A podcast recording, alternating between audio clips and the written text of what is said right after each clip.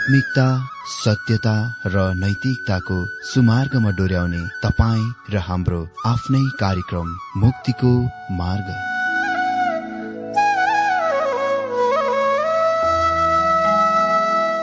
आदरणीय श्रोता यस मुक्तिको मार्ग कार्यक्रममा हार्दिक स्वागत छ। आशा छ यस आत्मिक कार्यक्रमद्वारा जीवनमा आत्मिक आशिष अलौकिक शान्ति र आनन्द प्राप्त गर्नुहुनेछ। र जीवनमा धन्य अनुभव गर्नुहुनेछ। आउनुहोस् श्रोता। मन र आत्माको तयारीको लागि यो मिठो अनि मधुर भजन गीत सुनौ।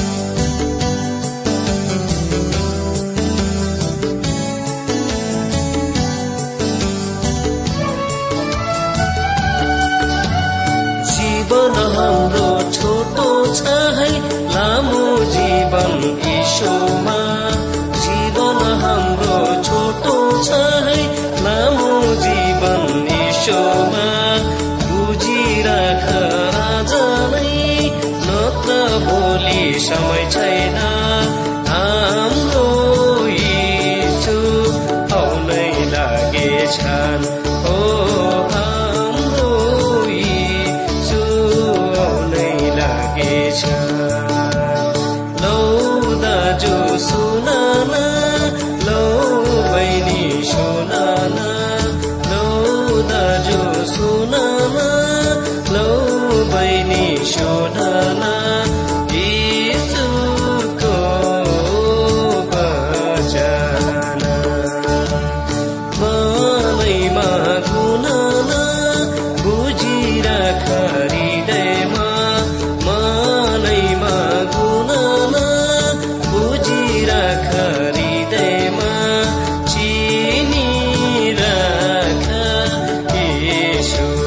lie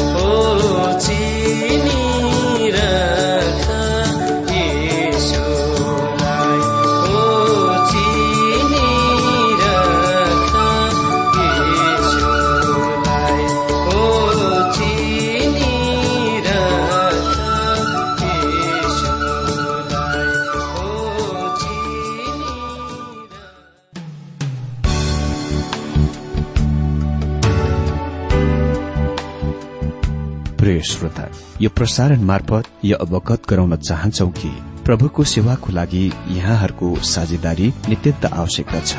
यहाँहरूले प्रार्थनाको साथसाथै आर्थिक सहायता गर्न अनुरोध गर्दछौ। तपाईँहरूको सानो भन्दा सानो भेटी किन नहोस्? हामी प्रभुको नाममा स्वीकार गर्नेछौ प्रभुको सेवाको लागि। तपाईँहरूको यो सानो लगानीले कसैको जीवनमा भिन्नता ल्याउँछ?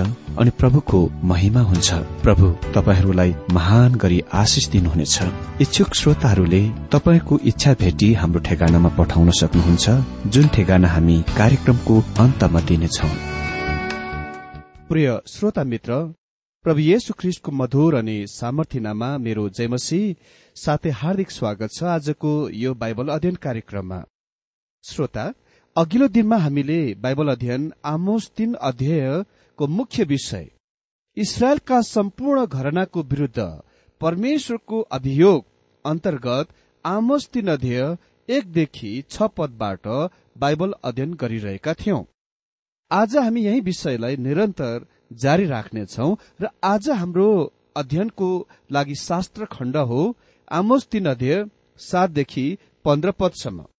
यस आजको हाम्रो बाइबल अध्ययनमा प्रवेश गर्नभन्दा पहिले म एकपल्ट अघिल्लो दिनमा अध्ययन गरिसकिएको शास्त्र खण्डलाई पढिदिन्छु। यहाँ यस प्रकार लेखिएको छ आमोस अध्यय एकदेखि छ पदमा हे इसरायलका मानिस हो परमप्रभुले तिमीहरूका विरूद्धमा भन्नुभएको यो वचन सुन। अर्थात् मिश्र देशबाट मैले ल्याएका सारा परिवारका विरूद्धमा पृथ्वीका सबै परिवारहरूमध्ये मैले केवल तिमीहरूलाई मात्र चुनेको छु। यसकारण तिमीहरूका सबै अधर्मका लागि म तिमीहरूलाई दण्ड दिनेछु। के दुईजना आपसमा सहमत नभएसम्म सँगसँगै हिँड्छन् र? के शिकार नभए झाडीमा सिंह गर्जन छ र?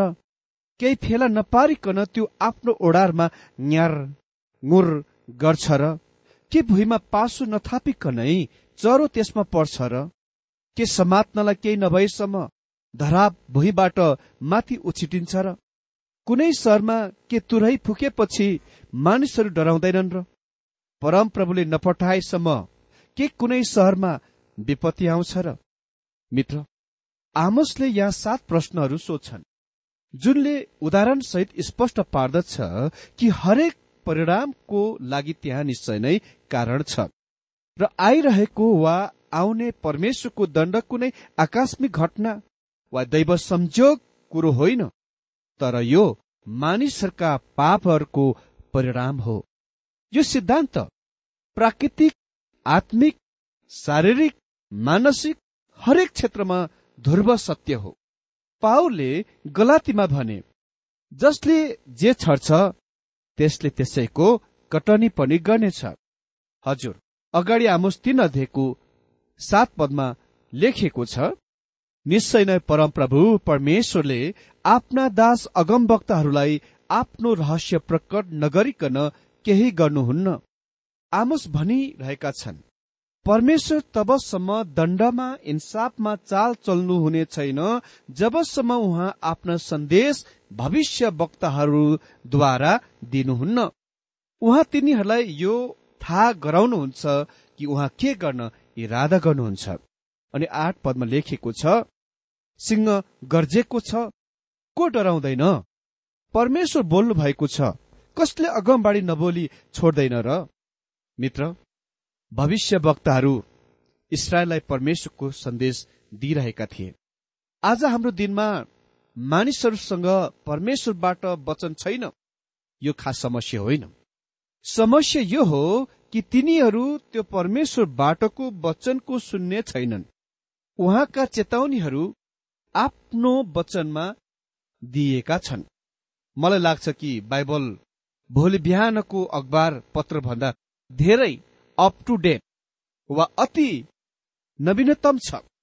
त्यसो त भन्नु नै पर्दा त्यो भोलि बिहानको अखबार पत्र पुरातन हुनेछ जब दिउँसोको सम्पादन प्रेसमा आउँदछ अर्को।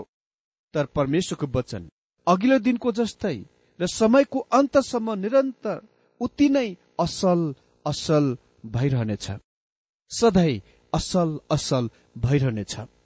यो सधैँ ती मानिसहरूलाई भावी दण्डको सम्बन्धमा जानकारीको प्रकट गर्न परमेश्वरको तरिका विधि भएको छ जो उहाँको आफ्नै जनहरू हुन्। तपाईँलाई यादै होला। नुहको दिनको समय अवधिमा परमेश्वरले उसलाई आइरहेको जल प्रलयको बारेमा भन्नुभयो।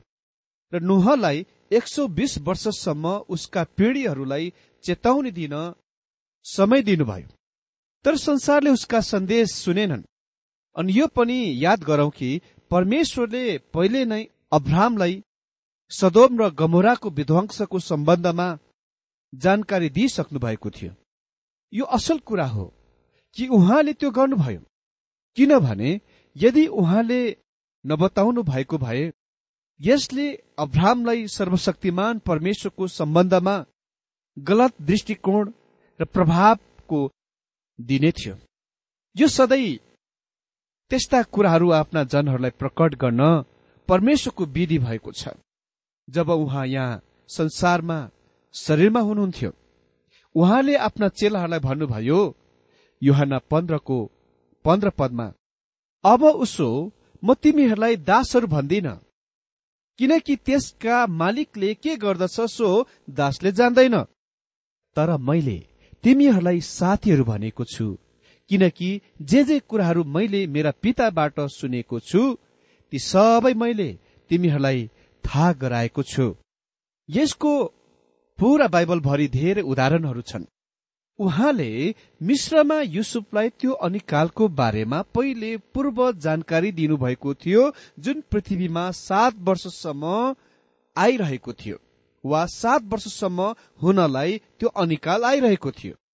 अनि एलियालाई पनि इसरायलमा आउने खडेरीको बारेमा पूर्व जानकारी दिइसक्नु भएको थियो। एलिया आहाब र इजेबेलको राजमहलमा गएर घोषणा गरे कि तिनीहरू खडेरीमा पढ्न गइरहेका थिए। पहिलो राजा सत्र अध्ययको एक पदले भन्छ परम प्रभु इसरायलका परमेश्वरको सेवक म उहाँको जीवनको शपथ खाएर भन्दछु कि मेरो वचन बिना आगामी वर्षहरूमा शीत र पानी केही पर्दैन। त्यसपछि एलिया त्यहाँ राजमहलबाट बाहिर निस्कि गए र तीन वर्षसम्म उनी छिपिए। लोप भए। जबकि आइरहेको दण्डको चेतावनी दिने यो परमेश्वरको विधि भएकोले गर्दा हाम्रा प्रभुले आफ्ना चेलाहरूलाई भन्नुभयो जब उहाँले जैतुन पर्वतमा आफ्ना चेलाहरूलाई भेला गरेर प्रवचन दिनुभयो कि यरुसलेम नष्ट गरिनेछ एउटा ढुङ्गामाथि अर्को ढुङ्गा छोडिने छैन। हजुर आइरहेको आगामी दण्डको चेतावनी दिने यो सधैँ परमेश्वरको विधि भएकोले गर्दा त्यही नै यहाँ आमोस गरिरहेका छन् यद्यपि उसका समकालिकहरू उनी पनि धेरै आलोचक बने तापनि। मानिसहरू कति पनि परमेश्वरको दण्डको बारेमा सुन्न मन पराउँदैनन् चाहँदैनन्। कोही कोही मानिसहरू त डाक्टर कहाँ पनि जाँदैनन् किनभने तिनीहरू जान्न चाहँदैनन् कि तिनीहरूसँग केही गडबड छ। मानव जाति दण्डको खराब खबरहरूको सुन्न मन पराउँदैनन्। चाहँदैनन् जुन आइरहेको छ। मानव जाति आइरहेको दण्डको खराब खबर सुन्न मन पराउँदैनन्। यदि तपाईँ सत्यको प्रचार गर्नुहुन्छ सिकाउनुहुन्छ तिनीहरू तपाईँलाई भनेछन् कि तपाईँ निराशवादी हुनुहुन्छ विषाद निराश ल्याउनेवाला व्यक्ति हुनुहुन्छ तर परमेश्वरले यो सिद्धान्तको पछ्याउनुहुन्छ कि प्रत्येक परिणामको लागि त्यहाँ कारण हुन्छ। अनि परमेश्वरले दण्ड खाली पाप गरिरहने मानिसमाथि मात्र पठाउनुहुन्छ। परमेश्वरले यो पनि स्पष्ट पार्नुहुन्छ कि भविष्य वक्ता उहाँको सन्देश दिन वचनबद्ध गरिएका छन् बाध्य गरिएका छन्। चाहे त्यो जस्तो सुकै सन्देश किन नहोस्? वास्तवमा भन्नु नै पर्दा उनी डर भयमा हुनै पर्छ यदि उसले परमेश्वरको सन्देश मानिसहरूलाई दिन विफल हुन्छ भने। सिंह गर्जेको छ को डराउँदैन? परमेश्वर बोल्नु भएको छ। अहिले आओ हामी त्यही कुरा बोलौ जुन परमेश्वरले भन्नुहुन्छ। आठ पदमा लेखिएको छ सिंह गर्जेको छ को डराउँदैन? परमेश्वर बोल्नु भएको छ कसले अगमबाडी नबोली छोड्दैन र? नौ पदमा अस्तोतका किल्लाहरू र मिश्र देशका किल्लाहरूलाई घोषणा गर। सामर्यका पहाड़हरूमा तिमीहरू भेला हौ। त्यहाँभित्र भएको ठूलो खैला बैलालाई र त्यसका मानिसहरूका बीचमा भएको अत्याचारलाई हेर। अस्तोतका महलहरू र मिश्रका महलहरूमा तिमीहरू यो प्रचार गरेर भन वा घोषणा गर। मित्र अस्तोत पलिस्तिनको देशमा पर्दछ तर यो अहिले इसरायलको कब्जामा छ। तिनीहरूले त्यहाँ अति नै धेरै ठूला बिल्डिङ अपार्टमेन्टहरू बनाएका छन्। साथै त्यहाँ मानव निर्मित बन्दरगाह छ र त्यहाँ ठूलो तेल शुद्ध गर्ने कारखाना बनाइएको छ र आज त्यहाँ तेल ल्याइदछ। हजुर जब आमोसले आफ्नो भविष्यवाणी दिइरहेका थिए अस्तुत पलिस्तीको एक प्रमुख सहर थियो। र यस विशेष निश्चित पदमा त्यो सम्पूर्ण पलिस्तीको लागि प्रतिनिधित्वको रूपमा खड़ा भएको छ। साथै यहाँ मिश्रको मुलुकको पनि उल्लेख छ। भनिएको छ अस्तोतका महल र मिश्रका महलहरूमा तिमीहरू यो प्रचार गरेर भन घोषणा गर। परमेश्वरले आफ्ना भविष्य वक्ताहरूलाई यो वचन अस्तोत र मिश्रका महलहरूमा दिन फैलाउन निर्देशन दिनु भइरहेको छ। अहिले यो कुराको ध्यान दिनुहोस् निमन्त्रण के थियो जुन परमेश्वरले आफ्ना भविष्य वक्तालाई दिनलाई भन्नुभएको थियो? सामर्यका पहाड़हरूमा तिमीहरू भेला भएर हेर त्यहाँ कस्तो खैला बैला हुँदैछ र त्यसको बीचमा कस्तो अत्याचार हुँदैछ। सामरिया उत्तरी राज्य इसरायलको राजधानी थियो र त्यहाँ आहाब र इजेबेलको राजमहल स्थित थियो। सामरिया पहाड़को टापुमा बसालेको सुन्दर सहर थियो तर त्यस सहरका वरिपरि अरू पर्वतहरू पनि थिए। यी वरिपरिका पर्वतहरूबाट मानिसले देख्न सक्थ्यो कि त्यस सहरमा के भइरहेको थियो। त्यो अधर्म पापहरू खुलस्त रूपमा भइरहेको थियो। खैला बैला चाहिँ ती दंगा उपद्रवहरू थिए जुन गरिब दिनको सतावट र अत्याचारद्वारा उत्पन्न गरिएको थियो। यदि अन्य जाति राष्ट्र फलिस्तिन र मिश्रले इसरायललाई निन्दा गरे पवित्र परमेश्वरले तिनीहरूलाई निन्दा गर्नुहुन्न र अनि दश पदमा लेखिएको छ परमप्रभु भन्नुहुन्छ तिनीहरू ठिक काम गर्न जान्दैनन्। तिनीहरू लुट र डकैटीका माल आफ्ना किल्लाहरूभित्र सञ्चय गर्दछन्। सामर्यले आफ्ना महलहरूमा ती कुराहरूका थुपारिरहेका थिए जुन तिनीहरूले चोरी गरिरहेका थिए। चोरी गरेर ल्याएका थिए। अनि एघार पदमा भन्छन् यसकारण परमप्रभु परमेश्वर यसो भन्नुहुन्छ एउटा शत्रुले देशलाई चढाई गर्नेछ त्यसले तेरा गढीहरूलाई नाश गर्नेछ र तेरा किल्लाहरू लुट्नेछ। मेरो मित्र आज सामर्यको महलहरू विध्वंसहरूमा कंकडहरूमा भग्न बसेसहरूमा पस्रेको अवस्थामा छ। अनि बाह्र पदमा लेखिएको छ परमप्रभु यसो भन्नुहुन्छ जसरी गोठालाले सिंहको मुखबाट खुट्टाका दुई हड्डी अथवा कानको एक टुक्रा मात्र छुटाउँछ त्यसरी नै सामर्यमा पलङको किनारमा र आफ्ना गद्दीका कुनामा बस्ने इसरायलीहरू छुटाइनेछन्। परमेश्वरको दण्ड सामर्यमा खसेपछि बाँकी रहेका वा बचेकाहरूलाई यहाँ सिंहले थुमालाई वा पाठालाई फाडेपछि त्यसका बाँकी बचेका दुई खुट्टा अथवा कानको एक टुक्राको रूपमा तुलना गरिएको छ। देख्नुभयो परमेश्वरको दण्ड अति नै कठोर थियो किनभने सामरियासँग स्वर्गीयबाट सत्यको ज्योति थियो वा त्यसले त्यो सत्यको ज्योति पाएको थियो जुनले तिनीहरूका उत्तरदायित्वलाई अझ महान बनायो। अनि तेह्र चौध पदमा लेखिएको छ यसकारण परमप्रभु परमेश्वर यसो भन्नुहुन्छ एउटा शत्रुले देशलाई चढाई गर्नेछ त्यसले तेरा गढीहरूलाई नाश पार्नेछ र तेरा किल्लाहरू लुट्नेछ। परमप्रभु यसो भन्नुहुन्छ जसरी गोठालाले सिंहको मुखबाट खुट्टाका दुई हड्डी अथवा कानको एक टुक्रा मात्र छुट्याउँछ त्यसरी नै सामर्यमा पलङको किनारमा र आफ्ना गद्दीका कुनामा बस्ने इसरायलीहरूलाई छुट्याइनेछ। अनि तेह्र चौध पदमा यो सुन र याकुबका घरनाको विरुद्धमा यो दियो सर्वशक्तिमान परम प्रभु परमेश्वर घोषणा गर्नुहुन्छ। जुन दिनमा इसरायललाई त्यसका पापहरूको लागि दण्ड दिनेछु म बेथेलका वेदीहरूलाई सर्वनाश गर्नेछु र वेदीका सिंहहरू चोट्टै काटिएर भुइँमा खस्नेछ। मित्र लेखिएको छ बेथेलका वेदी यसले सुनका बाछाको मूर्तिको संकेत गर्दछ जुन त्यहाँ पूजा गरिन्दथ्यो। र वेदीका सिंहहरू काटिएर भुइँमा खस्नेछ। परमेश्वर भनिरहनु भएको छ उहाँले आफ्ना मुलुकबाट अति नै भ्रष्ट निच प्रतिमा पूजालाई हटाउन इरादा गर्नुहुन्छ। अनि पन्ध्र पदमा म हिउँदमा बस्ने निवास स्थान र गर्मीमा बस्ने निवास स्थान दुवै सर्वनाश गर्नेछु। हस्ती हाडले सिंगारिएका घरहरू नष्ट हुनेछन् र भवनहरू भत्काइनेछन्। परमप्रभु भन्नुहुन्छ। मित्र आहाब र इजेबेलले सामरियाको पहाड़को टापुमा आफ्ना महलहरू बनाएथे तिनीहरूका महान महल अति नै सुन्दर स्थानमा स्थित थियो। तिनीहरूका महलबाट तिनीहरूले प्रत्येक दिशातिर हेर्न सक्थे चारैतिर हेर्न सक्थे। पश्चिममा तिनीहरूले सफा दिनमा भूमध्य सागरको देख्न सक्थे। पूर्वमा तिनीहरूले यर्दन बेसी देख्न सक्थे। उत्तरमा तिनीहरूले दूरीमा स्थित हर्मन पर्वत सहित स्टाइलयनको बेसी देख्न सक्थे। दक्षिणमा तिनीहरूले यरुसलेम देख्न सक्थे। ओ यो कस्तो दृश्य?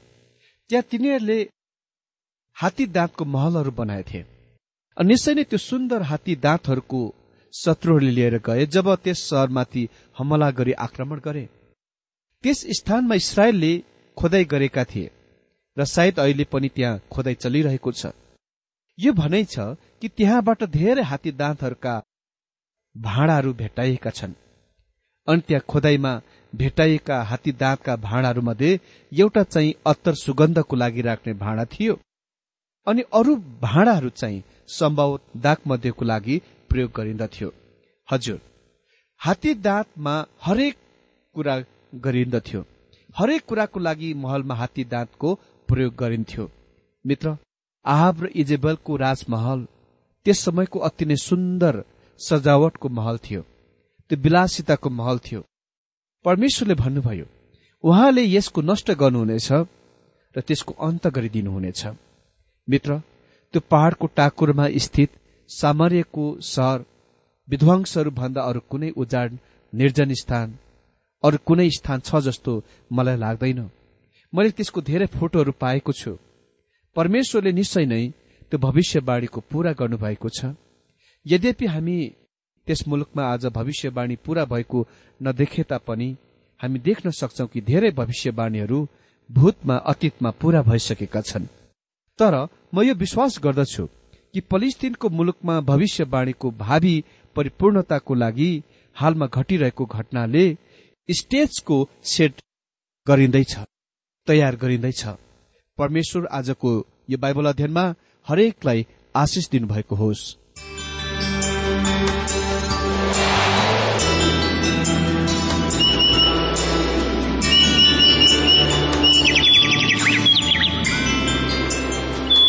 प्रिय श्रोता अहिले भर्खरै तपाईँले टीडब्ल्यूआर नेपालद्वारा सञ्चालित आत्मिक कार्यक्रम मुक्तिको मार्ग सुनिरहनु भएको थियो। श्रोता आजको यो कार्यक्रम सुनेर तपाईँलाई कस्तो लाग्यो? यदि यो कार्यक्रम सुनेर मनमा कुनै खुल्दुली वा कुनै प्रतिक्रिया अर्थात सुझावहरू छन् भने हामीलाई पत्रद्वारा लेख्न सक्नुहुनेछ। हामी हृदयदेखि नै स्वागत गर्नेछौ स्वीकार गर्नेछौ साथै बाइबल सम्बन्धित प्रचारहरू कार्यक्रम सारणीहरू हामी अनुरोधमा पठाउन सक्छौ। अनि तपाईँसँग कुनै प्रार्थनाको विषय छन् भने हामीले तपाईँको लागि प्रार्थना गरेको चाहनुहुन्छ। चाहनुहुन्छ भने प्रभुमा आफ्नै परिवार सम्झेर हामीलाई पत्रमा लेख्न सक्नुहुनेछ। तपाईँको लागि हामी प्रभु येशुसँग प्रार्थना गर्नेछौ। अधिक जानकारी र पत्रचारको लागि हाम्रो ठेगाना यस प्रकार छ।